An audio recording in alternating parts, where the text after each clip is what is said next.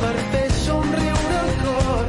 Eh, eh, que això és només un joc. Eh, sé que hem vingut per això. Eh, eh, per viure sense por. Eh, Ràdio Pista. Són les 8.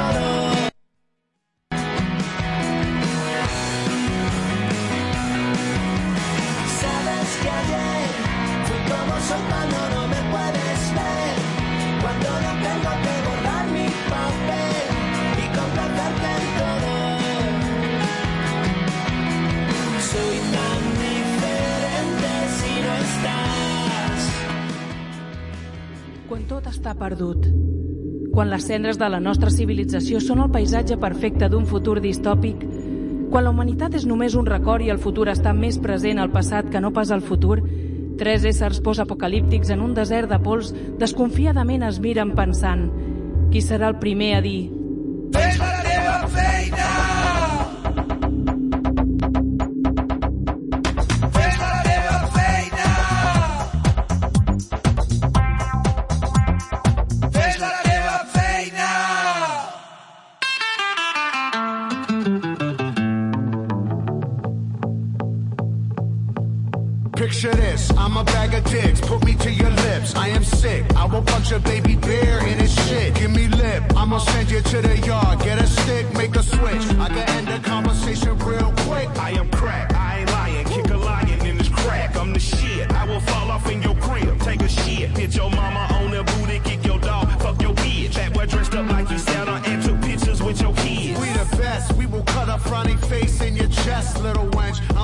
Unmentionably fresh, I'm a mensch. Get correct, I will walk into a court while they wreck, screaming, yes, I am guilty, motherfuckers, I am death. Hey, you wanna hear a good joke? Benvinguts una vegada més a Fes la teva feina, un programa que presentat si fossin frases de pel·lícules per Felip VII seria Pueden quitarnos la vida però jamás nos quitarán la libertad per allò de les faldes curtes de llana sense roba interior, la beguda de la batalla i el fet de saciar el seu cos amb pintures mentre corre pel camp verd d'Escòcia amb pilotes. I per a l'estimat Demian Recio, estic entre dues. Creo que este es el principio de una hermosa amistad. Oh, siempre nos quedará París. Per allò de la foscor del blanc, el blanc i el negre, i la cigarreta en els llavis, i el romanticisme del nostre búgar. Y por mi mateix, Benet 16 esta setmana. Haga el favor de poner atención en la primera cápsula, porque es muy importante. Dice que la parte contratante de la primera parte será considerada como la parte contratante de la primera parte. Para ello, de ser tres. Molt benvinguts i en qualsevol moment, dos huevos duros, por favor. Mejor que sean tres.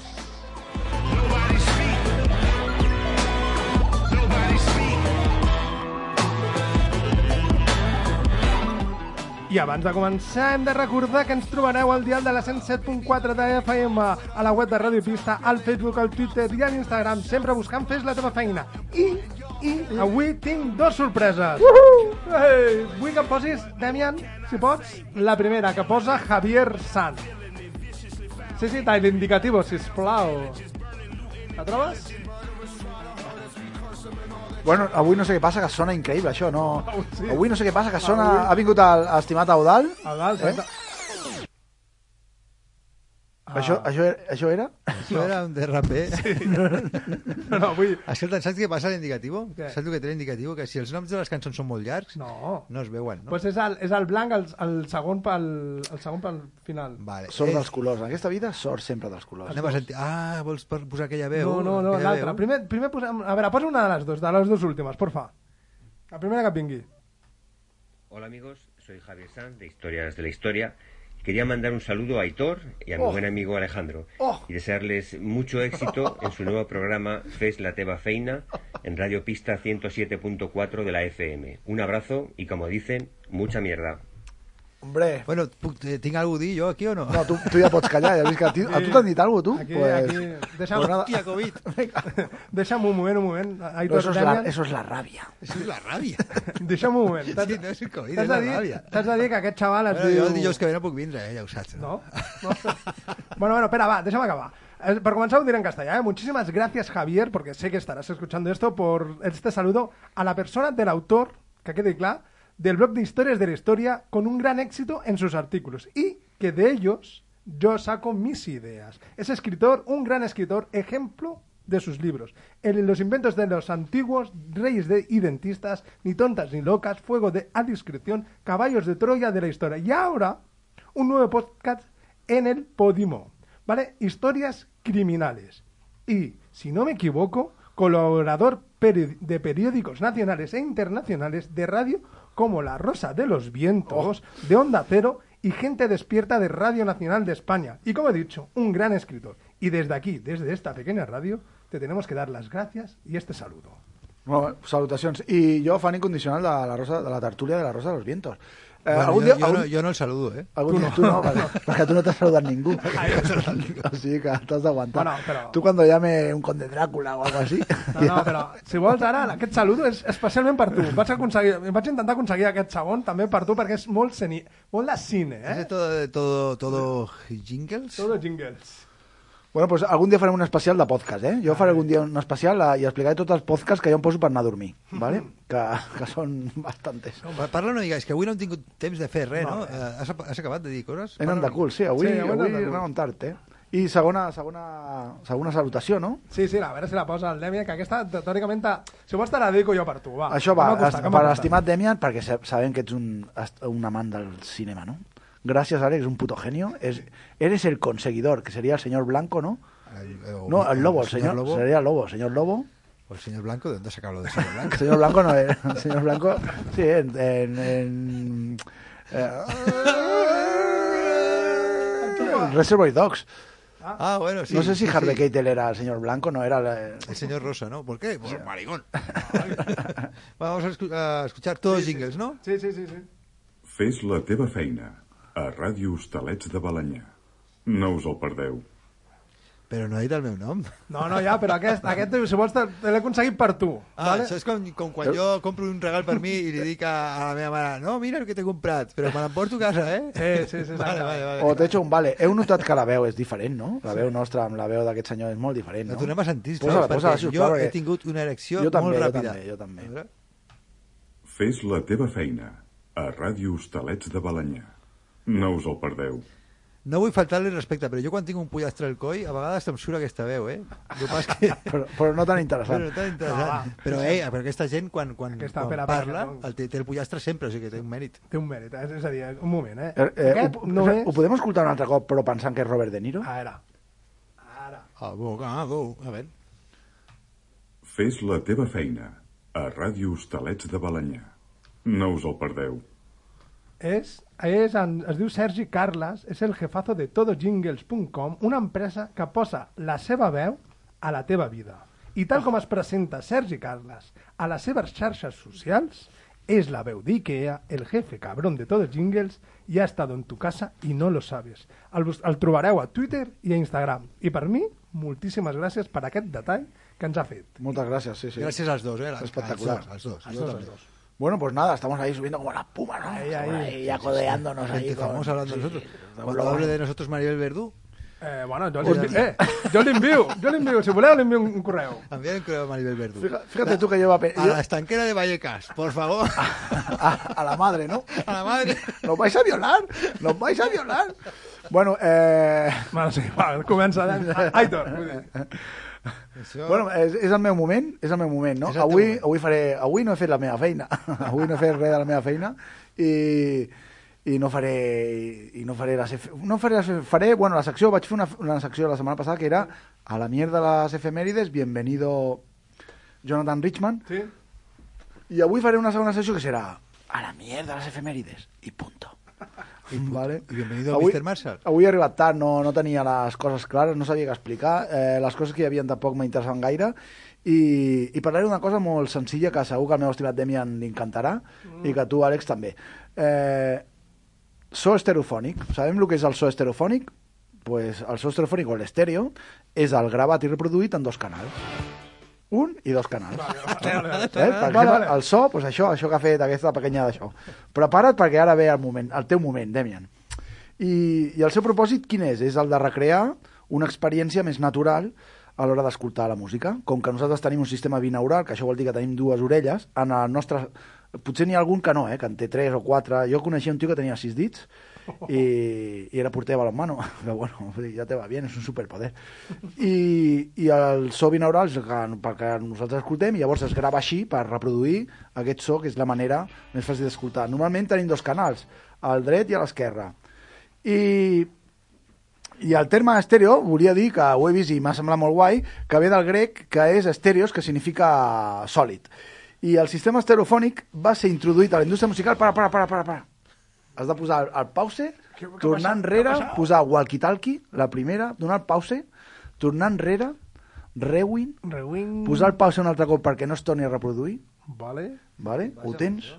El rewind és dos fletxetes eh, mirant cap a l'esquerra, el play és un triangle mirant cap a la dreta, Tipo YouTube. Que normalment ven verd, no? en verd, sí. Per aquí no, en Spotify todo es blanco. como, el, como el Madrid.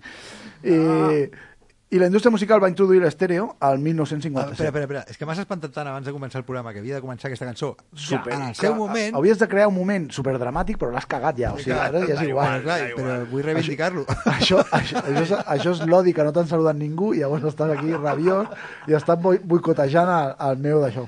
Bueno, doncs el sistema estereofònic... L'odi mou, perdona, eh? Mou el món, eh? Sí, sí, total, totalment. 1957 eh, es fa, comença a fer servir l'estèreo per gravar els discos i 60 anys després aquest grup que es diu de nom Palm, Palm, que vol dir P-A-L-M, vol dir palmera, no? Palm. Eh, No en palm, no, no, palm. Palm. En Palm seria un altre tipus de grup. Doncs Palm, eh, pum de volum, up de volum, Palm va gravar això i grava aquest tipus de música.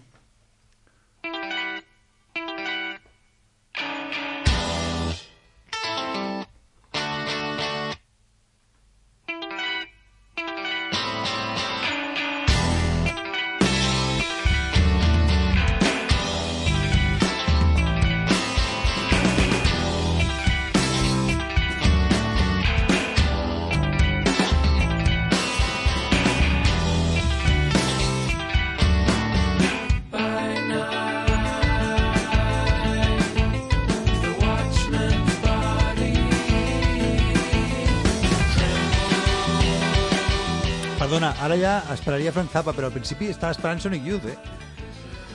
Bueno, són quatre ninyatos de Filadèlfia, quatre ninyatos, eh? L'altre dia vaig portar quatre ninyatos més i aquests són altres quatre ninyatos més i si veieu les cares direu, sí, sí, són quatre ninyatos, quatre ninyatos, però escolta el que fan, eh? Fan coses com molt... Eh... Virtuoses, virtuoses. He, per, he perdut la paraula, però... però, però he perdut la paraula, però sembla que no estiguin a to, no? Que no estiguin no. afinades, però fan coses, bueno, fan coses molt rares. Anem a sentir, no? Escoltem, escoltem.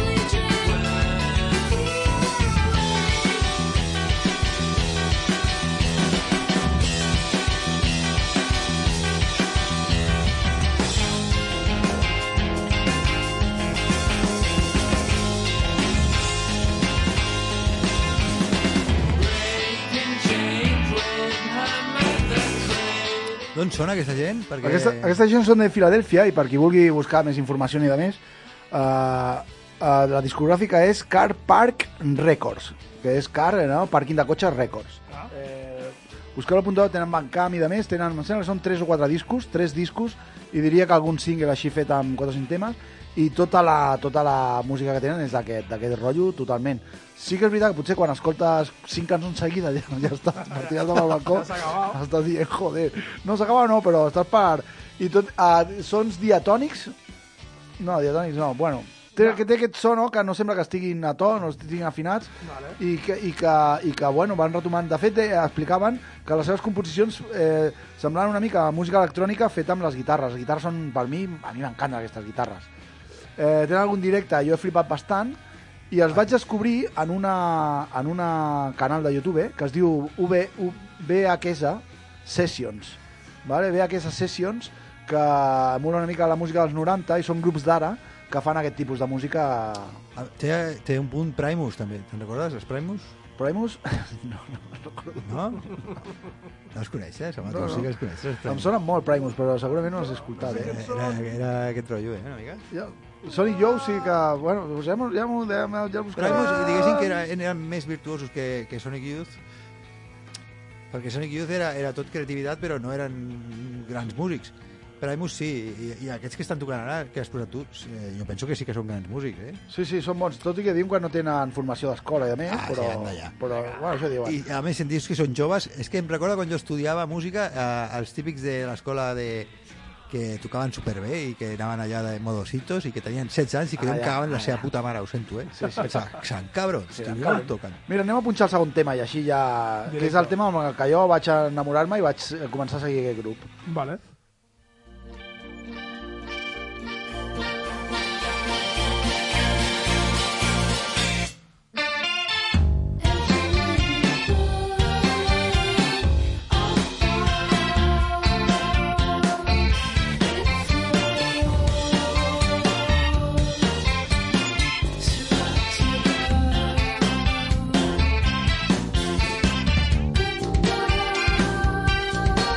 Ha ni un sol 4x4, no, a més?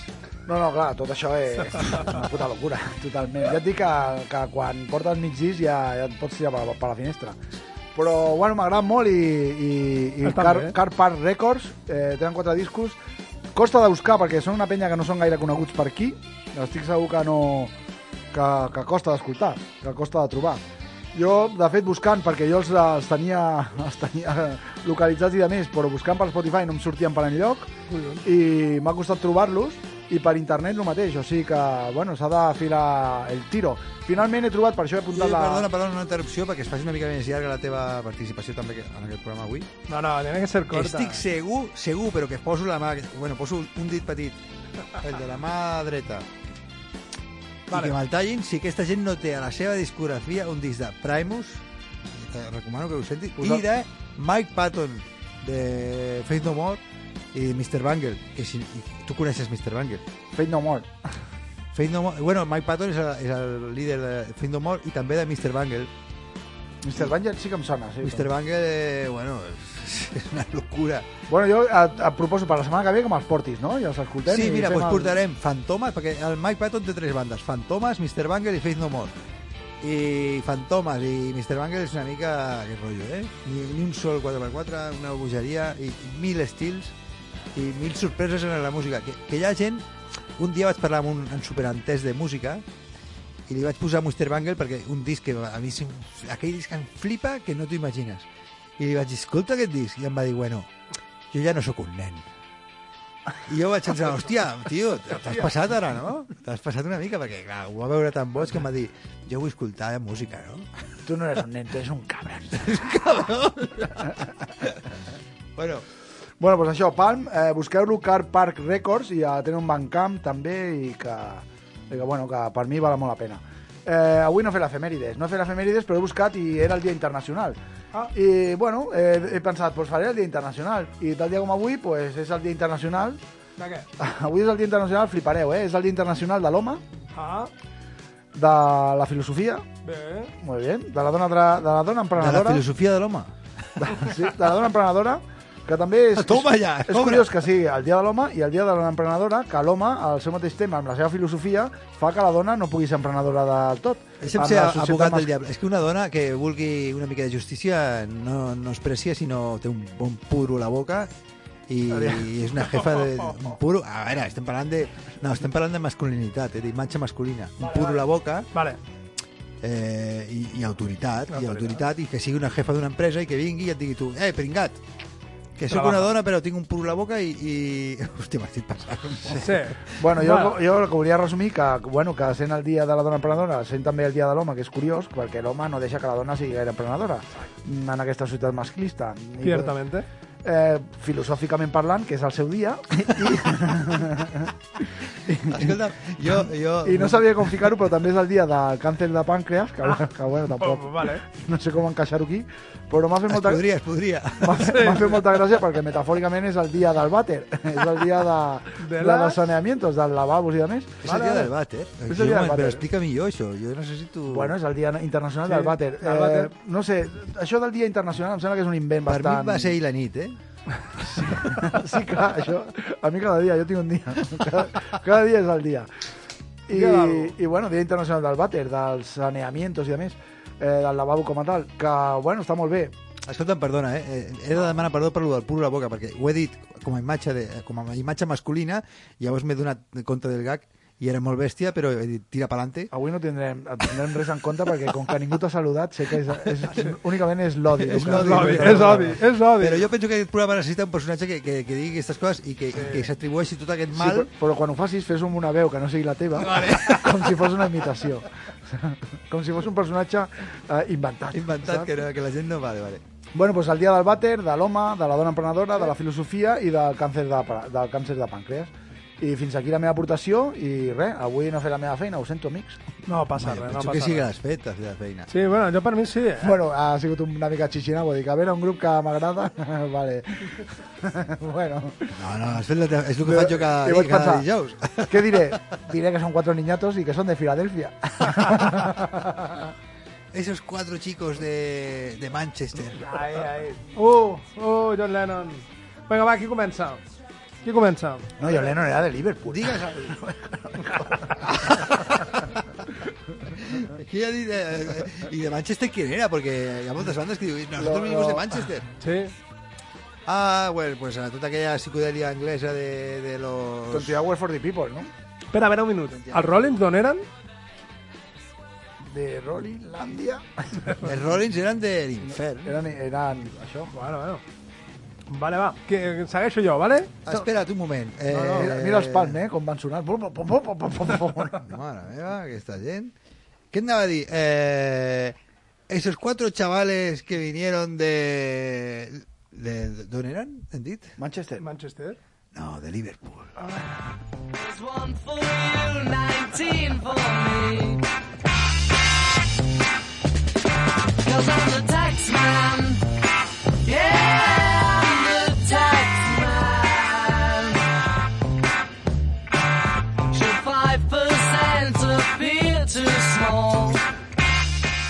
compartir una cosa amb vosaltres? Sí, per favor. Bueno, si no és a, de boca a boca. Exacte. No és de boca a boca, no té cap contagi i no provoca contagis. Ni, a ver, no me refiero al, co- al coronavirus Ah. ni, ni al SIDA, me refiero a la clamidia y esas cosas. Que Vale, no, vale. que tampoco. Vale, vale. Tira, tira. Els Beatles és, la, és una banda que, que, que musicalment m'ofereix el, ma- el mateix que personalment. O sigui, m'explico. A veure. La, la banda en si, els veig els quatre i em flipa. Els veig els quatre en directe i em flipa. Els agafes un per un, per separat, Sí, tío. Es, y no hay es- por dónde cogerlos. Son un poco como la patrulla X. Si los separas, la cagas, pero cuando los juntas ganan. Sí, ganan ay. mucho. Y eso es muy mágico y muy bonito que ocurra. ¿Eh? Porque, a ver, John Lennon era un pasat, era un pasat. ¿Qué tío. puede hacer el hombre elástico él solo? Claro, claro, métete la imagen por el culo. Esa imagen que, por favor, este, no puedo escuchar esa canción. Y cuando la Bueno, ponían en el y, y, instituto... Paul, cuando- y Paul, McCartney, Paul McCartney toda su discografía. Paul McCartney, o sea, Paul McCartney. Yo no me puedo creer que Paul McCartney en solitario hiciera grandes éxitos con los, amb els Beatles y después en solitario en 20 anys no fet ni un puto, ni una puta cançó. Y un, video, y un videoclip amb dibuixos animats amb Michael Jackson. Sí, sí. I després George Harrison, que tinc que dir que és el que millor Bueno, sí, el que va, el que va encara va... Però, tio, se te va la olla, George. George. sí. George, George, Massa, George. massa, mi- massa místic i poques drogues. Massa místic i poques drogues. Així que aquesta és la millor definició de George Harrison que he sentit mai. I després el tontolava del... del, del, del, del Bueno, és, aquest seria un regalao. Que, tio, que sí, que eres més gran i que tocaves la bateria molt personal. No, no, no, no. no, no, no eres un virtuós, però... L'única sort que té que és l'únic que encara sembla viu. O està. O està viu. No, Paul McCartney està, però no sembla que sigui ell. No, no, però McCartney està, però és una dona. és una dona. A veure, vull fer el xiste, ho fa tothom. Però, però junts eren els Beatles. Ara. John, és- John és John. John és John. John, John és John, i es barallaven, i hi havia la Yoko. Ui, ui, escolta, escolta.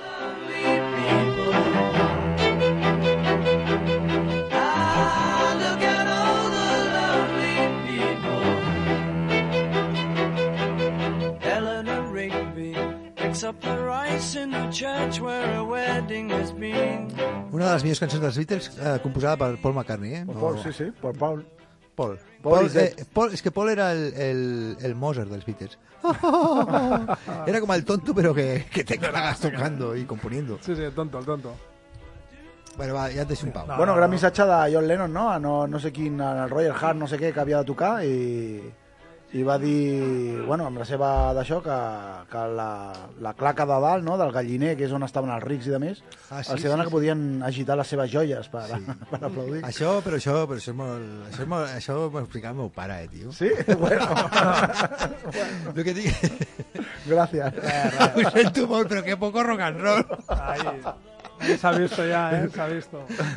Podéis, podéis mover la joya. Bueno, vaig explicar alguna més de rock and roll. Sabeu que el Sgt. Peppers, quan anava a presentar, Jimi Hendrix el va escoltar, que Jimi Hendrix sí que és rock and roll. Sí. Jimi Hendrix, sí. Es rock and roll. Si quieres ser rock and roll, muérete temprano. Ay, a, los, a los 27. No envejezcas, así com un... Bueno. No envejezcas, rock and i, roll. i, quan, I quan ho van treure, que ho va escoltar Jimi Hendrix, eh, els Beatles van anar a un concert de Jimi Hendrix i Jimi Hendrix, Jimi Hendrix va dir a la, a la seva banda mm, anem a tocar el Sgt. Peppers però a l'estilo Jimmy. I, i, a, I els Beatles van flipar. Eh, Eric Clapton ja havia escoltat a Jimi Hendrix i no va voler sortir a, a tocar després perquè quan va escoltar Jimi Hendrix a, a, quan Eric Clapton va escoltar Jimi Hendrix que això ja ho hem explicat aquí Sí, sí. Eh, va dir, jo no salgo después De de este, jo no salgo De aquí no salgo. Hi ha molta gent a partir del... Ara jo no, eh? Amb els Beatles. Clar. Per exemple, els Beach Boys, quan van sentir el Sargento Pipers també, va ser el Sargento Pipers, van dir eh, nunca lo vamos a conseguir, nunca lo vamos a conseguir. Des, després de fer Pet Sounds no? Exacte, i, i després de fer aquest di- discasso, i, i, i el grup que, que va muntar als Estats Units per, per contrarrestar els Beatles d'Anglaterra van ser els Monkeys. El, el, que era un, que, una que- monada Que era una, els Monkeys, que jo no me'n recordo cap cançó dels Monkeys. no, els Monkeys es pots tancar i a més és, és eh, dels primers grups eh, com els Take That i de més, no? produït Sí, eh, que de fet em sembla que ni, no en tocaven ni ells A més, Monkeys, Monkeys, que és el que, el que li criden els grups ultras a Samuel Eto'o quan jugava al Barça, no? Exactamente. bueno, no sé si té res a veure amb, Però, però bueno, va. amb el rotllo però... Més o menys la idea s'ha agafat. I Antagami, no? M'ho Antagami. has dit amb uns ullets de... Te Agami. quieres callar. No, no, no, no te quieres callar, no. Perquè ja que, avui m'ho has posat... A... Mira que aquest és un programa que cadascú de nosaltres fa el que vol. Avui no m'he preparat res i penso parar tota l'estona. Sí, sí, però, però m'has portat els Beatles. I jo et porto i jo et porto una història que la setmana passada va començar a explicar-la a l'Aitor, vale? i m'has de posar la primera cançó de les meu, del meu playlist qui, i es diu Satisfaction. This is my playlist Clar que sí, amor meu, però... Oh, la, que- la contra de los Beatles, muy bien llevado, muy bien traído al Alex. Es Ai. el puto genio, es el puto amo de la radio. La trobes o no? I d'aquí poc serà el president mm, de la ràdio. Aquest tio és el millor. Espera, espera. Va, tio. Espera, perquè... La espera, liat. que això... Sabeu, sabeu que van anul·lar la, una gira de les últimes amb Rolling Stones perquè Keith Richard havia pujat una palmera i havia caigut. I s'havia trencat el coco, també. Però tens, ra- ten- tens raó, eh, la- l'Aitor. Això no és casualitat que... Que que, bien traído, que bien traído. Que bien traído, ¿no? Ara. Hòstia, Palm, otra vez. Encara estan aquí. Odio Encara tocant. odio Són, l'Spotify. són gent, gent jove i, bueno, Exacte, són No no- no no se puede ser drogadicto. realment ells no han i- parat. Estaven tota l'estona tocant allà al seu estudi de nens joves de Bueno, en veritat, en veritat, mentre em busques No la se puede cançó... ser drogadicto y técnico de sonido. Ai. L'altre dia la, la meva ex em va enviar un meme que vaig flipar. Perquè jo li enviava una cosa divertida, no? Un d'aquests sustos de... A mi ex, tio, que patètic que soc. Li vaig enviar a la meva ex... Ara sí, ara sí que... Ara Això també me lo decía mi abuelo. sí, sí, sí, sí. No, a veure, si jo critico els altres és perquè jo el que tinc amagat és, és per matxacar-me. I li vaig enviar una cosa divertida, però super tonta, no? I ella m'envia una cosa molt millor, que sortia, un, Sempre. que sortia un yonqui i deia la droga no... Com ho deia el cabrón aquí? Así, allá. De la droga se sale. A partir de las 10, no.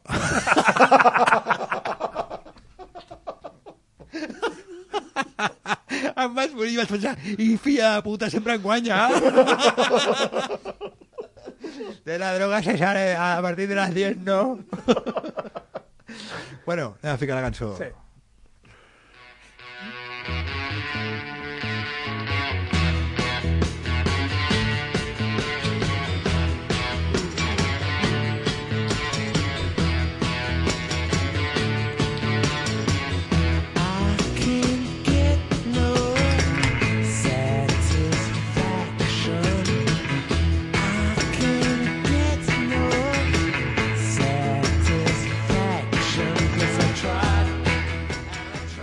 La setmana passada, Aitor vas introduir el tema o una, una anècdota de, dels Rolling Stones en un concert d'Altamont, en el qual va haver-hi una, una disputa entre els Rolling Stones i els Hells Angels.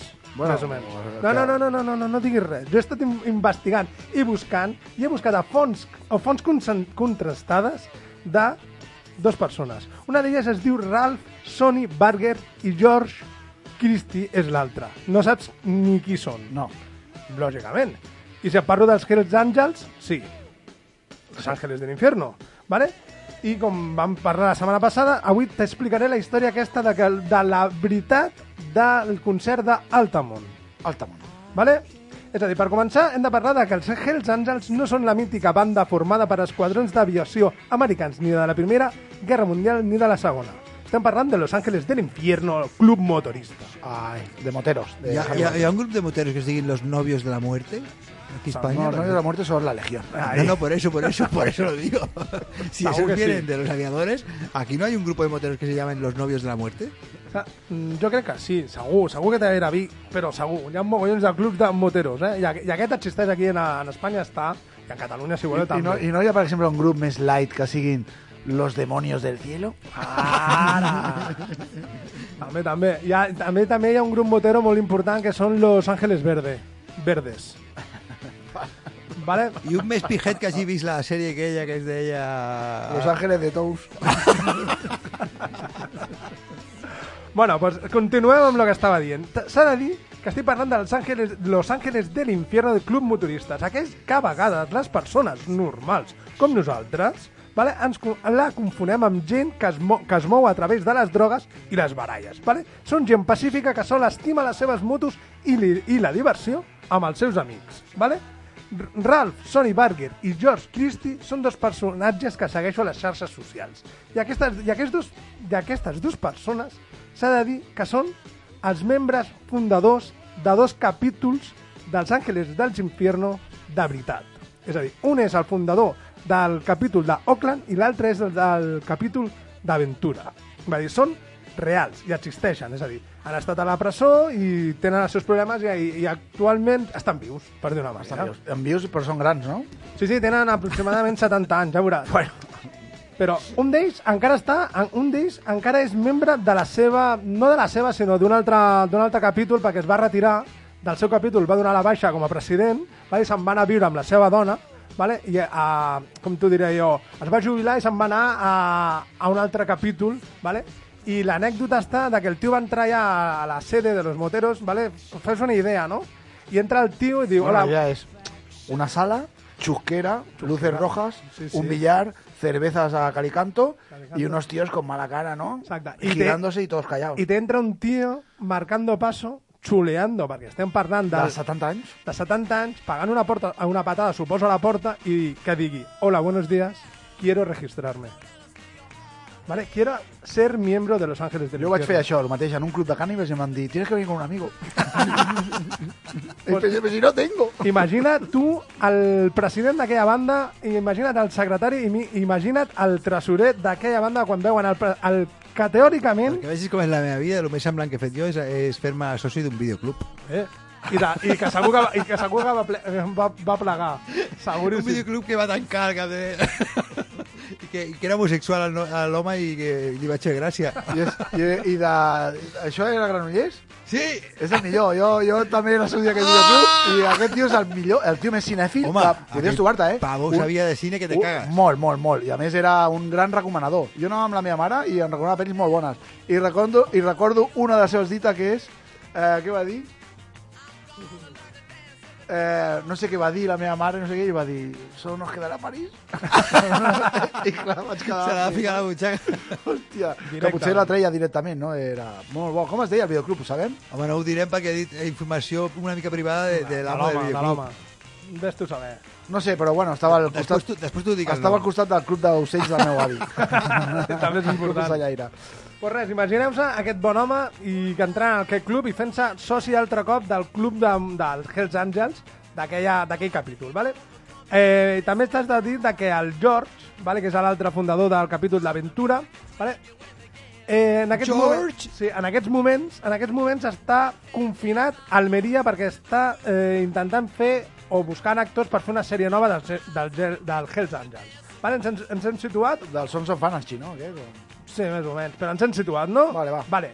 Pues aquestes dues persones estaven presents en aquell fatídic dia en què no van arribar en un acord a Rolling Stones amb els membres dels Hells Angels a Wood, a Woodstock West en el concert gratuït que organitzava la banda de Mick Jagger a Altamont, al nord de Califòrnia. Sí, sí. Estaven presents. Són, són persones que jo he estat buscant i, home, me'ls has de creure, vale, el que van dir? Aquesta gent, al Rolling els van contractar com a seguretat del concert. Sí, sí, ara En t'explico. comptes de contractar Securitas, Exacte. no sé si paguen aquí a Radio Pista, però... ja, pues, jo ara pues, t'explico. Una mala organització, ausència d'instal·lacions sanitàries, a l'equip de so insuficient per a aquells assistents, més de 300.000 persones que anaven sense control per tot arreu, un escenari minúscul i la gran afluència de drogues i alcohol. Perdona, un dia hauràs de fer un programa i parlar de Woodstock, perquè això ho multipliques per 20 I és gusto. i és Woodstock, i, i allà no va passar res. Alò- Bueno, va ploure molt, Va i, ploure molt, sí. i la gent estava molt penjada d'àcid I ja està. i es van relliscar pel fang i podia haver sigut una catàstrofe Sí, bastant sí, xunga. sí, Perquè, Però un dia hem de parlar de Woodstock, eh, que sí? Sí, Sí, sí, sí, sí. parlarem. Jimi. Hendrix, a gran actuació i, i desvelació. Vale, vale. Parlarem. Això, tot això estic parlant del dia 6 de desembre de 1969, on vale, els Rolling Stones van arribar a un acord amb els Hells que, faria de mem que farien ells de membres de seguretat. Ah, això. vale? A canvi de veure el concert dels Rollins a primera fila i veure tota la cervesa que poguessin tragar en aquell concert. Vale? Molts dels assistents dit per ells, no estaven d'acord perquè no li agradava la idea de que fossin els, com t'ho diria jo, els Hell Angels, vale? els que estiguessin a primera fila. Vale? És a dir, hi havia molts assistents que sota les influències dels productes psicotònics, o psicotròpics, perdó, vale, gràcies, i aquella estranya mania de considerar que els Hells eren dolents, van produir incidents en aquell concert, vale? Això és molt important, Vale. vale? M'agrada de psicotòcnics, perquè seria com una alcacència una tònica. I m'agrada incidents quan el que van fer és matar un tio. No, no, no, no, perdona, aquí t'equivoques. Dit per aquestes dos, aquestes dos autoritats del Hells, t'equivoques. ¿Qué vas a decir? Espérate, espérate, ya llegaré. Ya llegaré. Nosotros no Que sí. queríamos. Ja veuràs. Jo no ja sigo. veuràs, Jo no ja veuràs. Oye, eh, perdó, això és la prima de, de tots els abogats del món, No. que surt en una pel·lícula. Jo no he sido. Que no que no, que no tenim ni idea. Li heu preguntat, li heu preguntat. Heu llegit el llibre d'aquestes dues persones? No, però tu no, sabés per on. Jo sí que l'he llegit, jo sí que l'he llegit. Bueno, res. Pues aquest, que si una empenta, que si tu ets blanc i jo sóc negre, que si em tires la moto, que si em rebentes, si em trenques el pal de billar amb, amb el cop del cap... Bueno, petites disputes, cap, res problema, res. Pues el Martin Balvin, el vocalista de Jefferson Airplane, queda Oh, inconscient en una baralla. Perdona, perdona, tinc que fer una pausa. Tinc que fer una puta pausa. Jefferson Perquè Airplane. Está pasando algo hoy que me está poniendo la piel de gallina. He traído un disco de Jefferson Airplane sin decir nada a nadie. y, vo- y voy, a poner, genio, voy a poner una canción ya Ponla, mismo. ponla. Espera, espera, espera, voy a poner una buena pues porque me habéis pillado, me habéis pillado. Segueixo llegint, vull dir. Pues el Martin Balvin, el vocalista de Jefferson Airplane, queda inconscient. Jerry Garcia i els seus oh. graf, Grateful Dead, Grateful Dead. Grateful Dead cancelen la seva actuació i tornen a casa com uns putos gallines. Perdona, eh, perdona. Què? Eh, eh, Porque se perdona per segona vegada perquè no ho tenia preparat. No, no, espera, espera, perquè aquest es van perdre lo millor d'aquell concert. A veure, el millor d'aquest. Però torna a dir... Cuidado, perquè Jerry Garcia, a més, eren una panda de bastant eh, drogadictes, no? Ja, ja, es, van, es van perdre lo millor. Primer he flipat que jo posés els Beatles i parlessis dels Rollins, perquè això no estava preparat. I després has dit que, que hi havia membres de- d'aquí, de quin grup? Martin Balvin de Jefferson Airplane. Jefferson Airplane.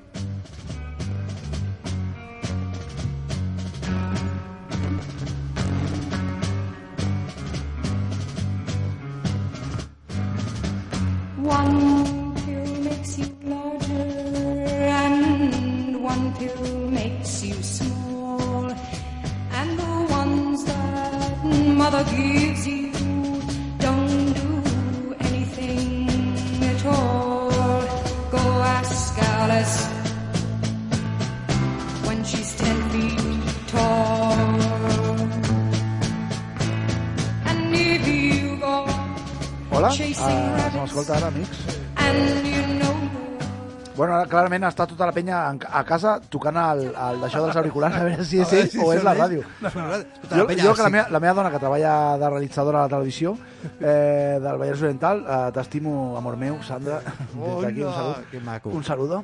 Eh, quan passen coses a la tele, eh, com que ella treballa a la tele, diu, és nostra. És, és cosa nostra. el problema. És cosa nostra. Sí, som nosaltres. Són nosaltres. No sé què passa avui que... A veure... Rascar Fader, mamà. just had some kind of mushroom and your mind is moving. Go ask Alice. I think she'll know when logic and proportion. Aquesta cançó la trobo supermoderna. Cada cop que, la- que, que, que diuen que és un estàndard hip i tal, penso... No, no, no. Aquesta cançó és molt moderna. Bueno, perdó. No, no, no. Jefferson Airplane. Amb aquesta- amb m'ha fet molta gràcia que jo portés el disco i tu parles Però a veure, amb aquesta música ens serveix. Aquella nit comença l'espectacle, passen les hores, surten els Rolling Stones en aquell petit escenari. 5.000 persones es presenten en aquell petit escenari. Els Hell Angels en primera fila escoltant el concert i fent la seva feina al so de cadenes i altres objectes dissuasoris. Ja necessito que em posis aquesta. Ah, de canviar? Espera, espera, Sí, espera. sí, sí. A veure, torna, torna a pujar aquest paper. La tens? T'he dit que tinc un problema amb els títols, Sí, eh? sí. No, no, que està a l'Spotify. Ah, vale, This, vale, this vale. is Spotify. Sí, sí, sí, sí. És la cançó del, del, del moment, Sí, sí. del moment del veure, concert. veure, Simpatia, simpatia, Simpatia. simpatia. S'està fent al, està quasi tocant al final.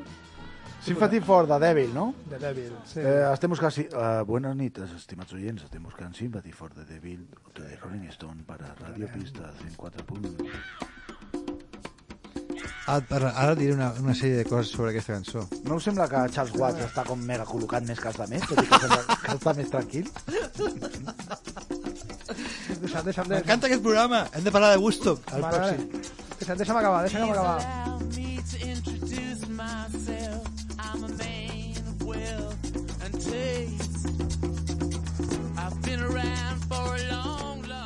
Nick, Mick Jagger interpreta Symphony for the Devil per tercera vegada. Sembla que al públic li agrada. Segueixen les picabaralles.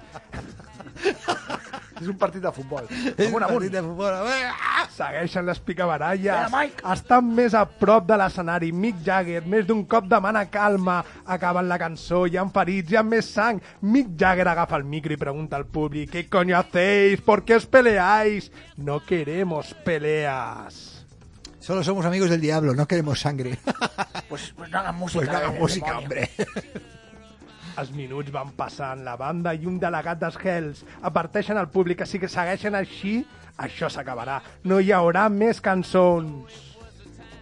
Un impotent Mick Jagger fa el que pot i segueix cantant, animant al públic. En Podemos se- en sèrio? conseguirlo. En sèrio va ser amb aquesta cançó? Sí, sí, Sympathy for the Devil. Hola, que guapo. I ara m'has de canviar la cançó, m'has de canviar a Under My Under Tomb. my thumb. Uf. Hola, quin temazo. Uf. Hola, pot ser que la, la, la música d'abans molés més que la d'ara? Sí. Cert. Under my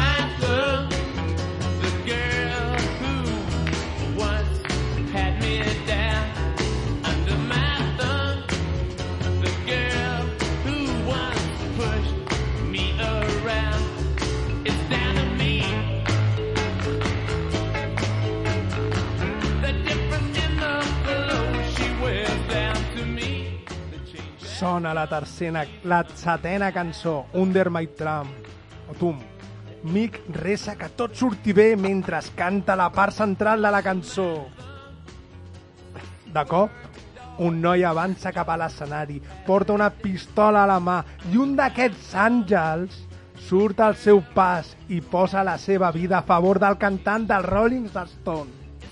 un Hell Angels salva la vida Això, d'amic. ai, però això, eso, eso són les declaracions d'ells. És el que ells van dir, però és mentida. No, senyor! Si ho, diu, si ho diuen aquests dos, aquests dos, aquestes dues persones, Perdona, serà cert. Uno que ha salido de la cárcel, que se va a hacer socio de un club que no era el suyo porque ya está revenido. y el otro que está perdido en Alicante, no sabe por qué. Res. Això és la verdadera història. Un Hell Angel A veure, si és salva la mola. seva Ja està. vida. Un Hell, un Hell Angel, digues Hell Angel, Angel. digues Angel, perquè mola Hell. Angel. Angel, Angel. Angel. Hell Angel salva la vida d'amic. Bueno, mola més Hell Angel. Àngel mola molt, Hell Angel. I va salvar, va salvar el Mickey? Sí, senyor. Bueno, tot- dic una cosa, eh? Per disparar a Mike Jagger eh, s'ha de tenir molta punteria. I per matar Keith Richards no vea. sí, tot. ¿Dónde está Fido Tot es para, tot es para durant uns segons, uns minuts. Ningú s'adona del que ha passat, de la situació real. Com he dit, han salvat la vida de Mick Jagger. El noi... L'han salvat moltes vegades, per això. No, però aquesta, aquesta és Virginia viu, aquesta és Virginia viu. El noi no volia atentar, con- volia atentar, millor dit, contra Mick Jagger. Es deia Meredith Hunter. Vale? Va perdre la vida a mans d'un Hell Angel anomenat Alan Passaro. Meredith ja havia estat involucrat en diverses baralles amb els Hells i aquella nit, a part de portar una pistola a la mà, anava fins al cul de metamfetamina. Bueno, però seg- segurament ell i, tots els que estan al voltant. Has No de veure, passa res, tampoc. has de veure... Sempre, lo, lo, sempre la paraula meta mola moltíssim, no? Per exemple, metacine. Metamfetamina. Queda superintel·lectual. És una pel·lícula metacine.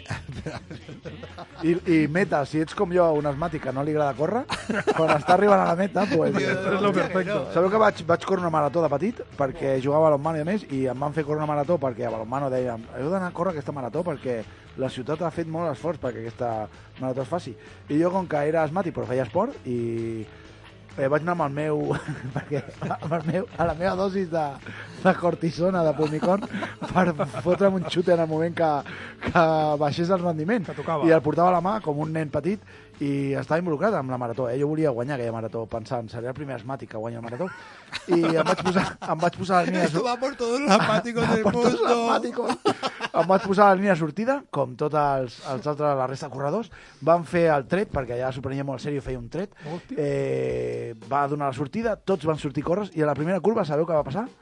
Doncs el pot de pulmicor de, de Ventolin va sortir volant i es va ficar sota un cotxe. I com, com un gilipolles em vaig allupir allà i vaig estar, bueno, vaig quedar l'últim totalment, després d'estar més de 3 minuts buscant el pot Però, de, però de la vas acabar a la marató. No, no la vaig acabar. Per, per què? Perquè, bueno, Ara pa què? Però vivim una societat super, super hipersexualitzada, Sí? eh, eh, hiperdrogaditzada, perquè Feta. Mola molt, se- saps parlar de, de la gent i té una facilitat per dir mira, anava a fer una supermarató i em vaig prendre un... el que sigui. Això, O jo vaig- tenia 12 anys. em vaig agafar... Sí, amb 12 anys. 12 anys ja. O, I mira, jo vaig agafar un avió i em vaig prendre un tranquimacín o el que sigui. Vivim en una societat hipersexualitzada e hiperdrogaditzada. Això és la revolució cognitiva. Has vist alguna vegada algun cavall eh, drogant-se? O que, que el droguin sí, però drog- drogant-se ell mateix? Home, eh, un cavall no, però he vist molta, eh, no, he vist molta gent prenent cavall, no, però... Sí que hi ha, no? Sí que hi ha algun animal que, que Sí, menja coses sí, per... sí, sí, per... sí, sí. Home, eh, la pel·lícula de l'oso, no?, que es menja aquelles setes, no? Sí. Eh, No, molta- les granotes, potser, les granotes... No, no, les granotes porten, tenen... ja porten. Ah, si les, al·lucinogen llep, a si les llepes, això. Les No llepes. es converteixen en. Bé, que, que, Que també- d'aquí- ve el, el, el, el, la llegenda, no?, de, de, del petó a la granota, no? Ara. Lo que, lo que és molt bo és el tio, no?, que va llepar primer. la granota. a, què, a què li passa a aquest tio? O sigui, Què li passa a aquest tio O sigui, que què li va- passa a aquest tio? I no a ell, sinó a tots els altres que després el van fer cas. Perquè ese, si tu dius, este tío está loco, que va todo el día chupando granotas. Y, y, Este chupa ranas, hòstia, està coloca, eh? Sense saber de lo que era colocar, no? I la resta van dir, ¿qué hacemos? ¿La chupamos La también? chupamos I la una- van xupar, clar, perquè després... Si lo dice él, Però és ¿no? que Si lo lo bo dice és que él. portés tota, tota la vida chupant granotes i un dia digués, pues, pues, pues, a esta mola mucho La, chuparla. lo que es la verde, la verde con puntos rojos, Està mola. I d'aquí ve la llegenda de, de, Segur. de fer un petó a la granota i que surti el príncep blau. Eh, per... Col·locat fins a I això, això què vol dir? eres, eres una palmera o eres un... Sí, sí. I això què vol dir? Eh, a mi se'm, se'm qüestiona una pregunta. I creen en el amor, cabronazo. Ai, ai, déjate de hòsties. I hòstia, vaig a posar... Què? Gimme, Espera, gimme. espera, espera, encara no, encara no. Encara no, La- perquè hem de parlar del pobre Alan Passaro, que va ser arrestat i finalment... M'agrada m'agrada el cognom, eh? Alan Passaro, sí, sí. Va ser arrestat, arrestat, vull dir, i finalment el sol del judici de la mort del Meredith al·legant que tot va ser en legítima defensa, però que quedi ben clar que ningú el va felicitar per la seva proesa. Por algo será, ya te lo he dicho yo. Vale, perquè va salvar la vida de, del cantant dels Rolling Stones. I ara enxufa, enxufa la música. Que ara ve lo, lo maco. Hola! Hòstia, aquesta és una de les millors cançons que s'han escrit mai, igual.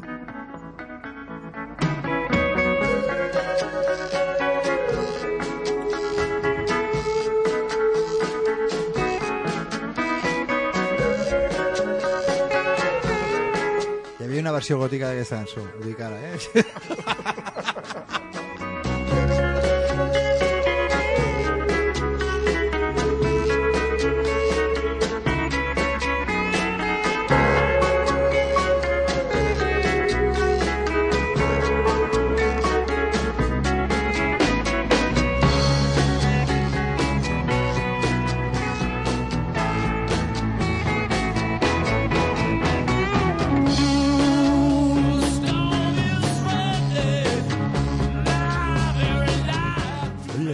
vuelto a escribir canciones así. I, I a més, a- abans havíem dit, eh, a la millor música... Eh, pot ser que la millor música fos la, millor, la música dels 70? No només eh, als 70 es va fer la millor música, sinó que és eh, en el millor moment que es va gravar. O sigui, no s'ha gravat música tan bé com en aquella època. És veritat, és veritat. És, és absolutament veritat, per, per amor de Déu. Eh, foteu del món. Perquè saps què passa? Que després va aparèixer la figura del tècnic de so. Abans el que estava allà era, era un flipat, era, no era un tècnic, era un enginyer. Era un tio amb estudis. Era un tio amb estudis. I després el ha vingut és un flipat, que et diu, "Mm, no está siguiendo bien el metrónomo. ¿Sabes? Y dice, pues vamos a grabar en la bañera porque hace un sonido más. Es que hago rock and roll, hijo, hijo de... Ui, seran 20.000 dòlars, eh? doncs molt malament. Eh, vaig veure la gravació de, de Talking Books, de Steve Wonder, i eh, Superstition, i hauria de veure els dos tècnics de so que tenia, els dos enginyers de so que tenia, i, bueno, dos, dos científics bojos amb els cabells crepats i, i enxufant cables. Eh, i, I Stevie allà tot Enxufant emprenyat. cables boníssim. I enxufant cables. Enxufant cables, però és el que feien. Bueno, bueno, però amb aquesta cançó que està sonant de fons, Altamont ja no tornaria mai més a fer cap concert, ni tornaria a ser el que va ser abans de tot allò, perquè no sols va salvar la vida d'un dels mítics cantants de tots els temps, que també... Sí, perquè tu l'estimes molt, no? Amigo de los males. perquè també es va completar la història amb tres morts més, dos automobilistes i un que no sabia nedar. Aquell 6 de desembre S'està morint, s'està dos- morint. dos automobilistes. S'està morint per primera vegada. De, Dos morint terrible. O sigui, això és que en una persecució, quan els Mira, mira, mira, van mira, caure en un riu, els dos del cotxe van morir i el que anava darrere eh, no sabia nedar. No puc parlar. Explica, explica-ho així. Míralo, míralo.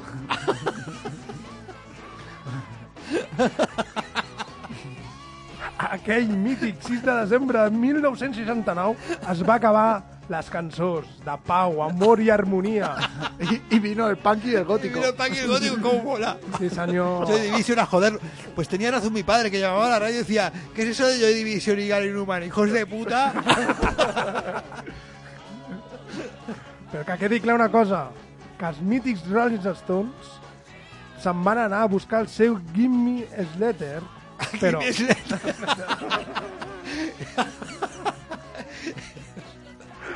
Però s'ha de quedar clar que us, ho explicaré la setmana que ve, vale? o l'altra, no ho sé, perquè el Mick Jagger aquell, en aquell moment no sabia el que tenia que pagar de veritat. Que quedi clar. que tenía que pagar. Hombre, los, los servicios de los, eh, de los Angels. que... De los Angels. ¿Qué tuvo que hacer? Hombre, li van salvar la vida, tio, li van salvar la vida. I ell no ho sap. Clar, Ell no clar. es va donar Bueno, compte en aquell moment. Jo, la meva versió és que van matar un paio perquè estaven sonats del, del cap, sí. vale? estaven bastant... I era més en una colla de, de gente xunga, vale? que els agradava... I a més, no sé si amb una mica filofeixistes, que no pagaven amb, gaire amb l'època de, de la paz, amor i de més, els van contratar com a seguretat, es van passar de la rosca, dos pobles i, mi, i més, i enmig del concert van matar un tio per lo que sigui, perquè aquestes coses passen, i, i Matt Jagger sé que va parar el concert i fins i tot preguntant a veure què passava i de més. I que després sí que és veritat que va vindre tot això que tu dius, que no sé si hi havia la versió d'ells, no? dient que, bueno, van salvar la vida. Que si has de fer una excusa, pues a lo grande, que està molt bé. A lo I, grande. I bé, bueno, pues sí, sí. No, t'es- t'es- T'estic explicant la història que teòricament, teòricament, clar, tot això ho he buscat perquè me'n recordava de que d'haver llegit el llibre de, del Ralph Sonny Barger que es, es titula Vida y hazañas de Sonny Barger i el Club de Motoristas Los Ángeles del Infierno de la- de l'editorial Pepitas de, la, de Calabaza, ¿vale? I resulta que en aquest llibre surt aquesta història, vale? explica tota la història des de que va entrar a la banda a la que va formar teòricament ell, que és la banda del Hells Angels, perquè li consideren a mi el fundador, vale? fins a que va, fins ara, que com t'he dit, està en un altre capítol, vale? i explica aquest, aquest, aquesta història, vale? l'explica així, va. I clar, tal com llegeixes o busques en internet, clar, dius, hòstia, són dos versions un poco distantes, no? Vaig a intentar per tu, eh, amb molt d'esforç, perquè aquest CD sé que està a casa dels meus pares, però el tenia, perquè de fet el van vendre així, i tinc la gravació en el moment que, que passen els conteixements i... No, espera, espera, perdona, perdona. Tens tota la raó, perquè ja el documental amb, la mate amb el mateix nom de, de Game Slater, com he dit abans, vale? Hi ha un documental d'una hora en què surt tot, tot, tot, tot, i es veu com Alan Passaro, bueno, en veritat es veu el Meredith Hunter, que s'apropa a l'escenari, teòricament no porta res a les mans, i apareix aquest, aquest àngel, vale? en el qual li... A s'ha de dir que Meredith Hunter va morir per culpa de cinc caminatades. El, el, el, vale, se ve la imagen com se separan i aquestes cosetes. Molt bé. Eh, vols que t'expliqui la meva anècdota per acabar ja? Sí. La meva anècdota amb Los Ángeles del Infierno? Espera, i tu tens música, no? Jo tinc que fer una cançó per acabar el Vale. programa. Va, super ràpid, vale? Eh, jo tenia un grup que es deia Bífidus i que tocava i ens va tocar eh, ens va tocar ens va tocar en un concurs, bueno, un concurs que van guanyar i que ens tocava que, tocar en el Rock a Llerona, que era un festival de rock que es feia a Llerona, i ens va tocar participar en aquells concerts on venia barricada. I què va passar? Que es va fotre l'alternador o el que sigui, el, la burra per, pel concert, i barricada al final va tocar però molt poc perquè es van retrasar els concerts, nosaltres els havíem de tocar abans, i la seguretat d'aquells concerts no la feia els, els Angels, Hell Angels, però feia una penya que era del mateix pal, perquè de fet es eh, va contratar per simular una mica aquest rotllo, i era una penya de moteros i de més. Només us diré que nosaltres vam sortir a tocar a les 6 de la matinada, a les 6 de la matinada, quan només quedaven les restes de Quatre. los megalcohólicos, i, i jo estava tocant una cançó i eh, se'm va dirigir un de los moteros de Los Ángeles del Infierno, em va mirar i em va dir «Esto s'ha acabado». I jo li vaig dir, però per què? Ca- Això enmig d'una cançó. I em va dir, esto s'ha acabado. I dic, vale, vale. Vale, pues ja està, I s'ha acabat.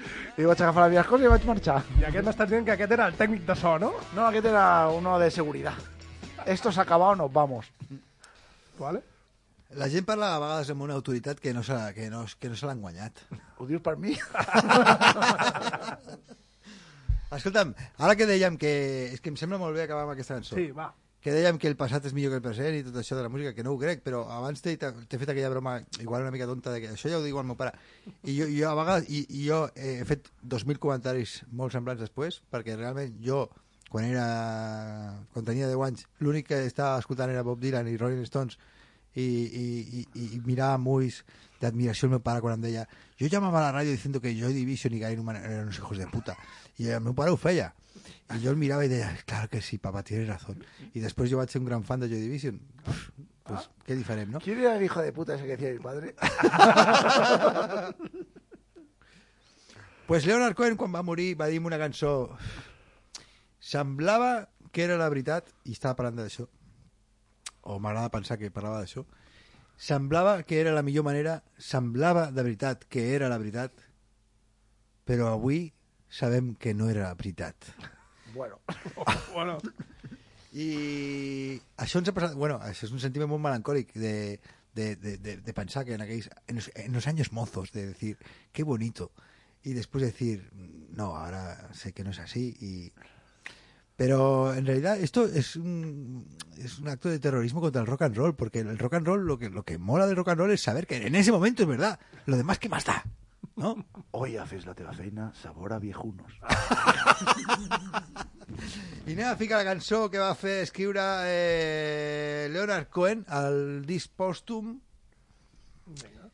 disc pòstum de Leonard Cohen perquè després d'escriure això eh, ja va morir No, no. Eh, just abans de tancar-se en un monestir, no sé quant temps. sí Ai, mira i...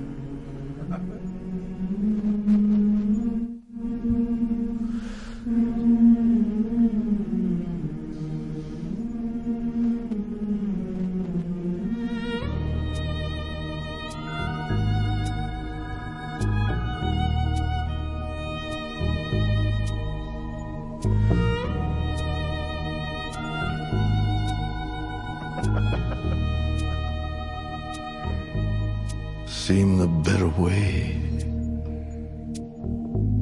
when first I heard him speak. un dia, un dia eh, us, posa, us posaré ens estem passant de l'hora però us ho tinc que dir Pa- passa un minut ja, eh un dia us posaré el discurs que va fer Leonard Cohen quan li van donar el premi de el, qui- quin like premi donaven los eméritos aquí a Espanya? El Príncipe de Asturias, no? better way. Eh, li van donar a Leonard Cohen i va fer un discurs que Sounded jo vaig plorar quan el vaig sentir perquè com podia aquell, aquell, aquell Leonard Cohen tan poètic parlant de, de l'Orca i i d'un i espanyol que li havia ensenyat a tocar la guitarra que s'havia suïcidat davant del puto emèrito hòstia, he dit puto? y davant del puto emérito y, y el emérito riendo como diciendo qué bien habla este chico i era, era patètic perquè realment era espe especialment mm, bello el que estava dient un i especialment eh, creatí la cara que estava ficant l'altre i hòstia, faré un programa sobre això Sí, sí. sí, sí. O sea, potser no estava mirant a elles, tu que estava mirant en la butxaca, no? A ver, esto para aquí, esto para aquí. s'ha acabat, eh? s'ha acabat truth digue'm adeu Adeu. I better hold my tongue.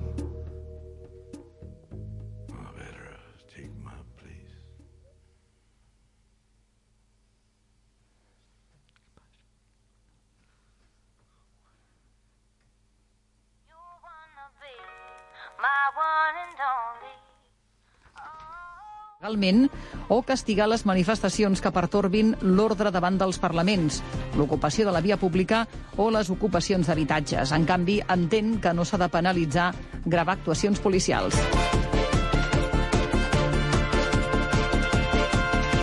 I ha mort finalment el nadó de Tàrrega ingressat per suposats maltractaments de la mare. La Fiscalia de Lleida espera els resultats de l'autòpsia per valorar si la causa que es va obrir inicialment per maltractaments i lesions hauria de passar a homicidi.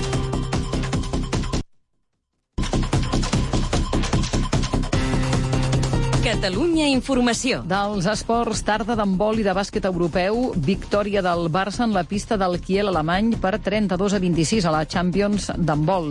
I des de tres quarts de nou està en marxa el Partizan de Belgrat, Joventut de Badalona, de l'Eurocup de bàsquet. Koeman ja disposa de tots els internacionals. El Barça s'entrena per preparar el partit de dissabte al camp de l'Atlètic de Madrid. Coutinho, que ja es va entrenar amb el grup, podria rebre l'alta mèdica. I al Madrid, Sergio Ramos no jugarà els pròxims partits per una lesió al bíceps femoral de la cuixa dreta.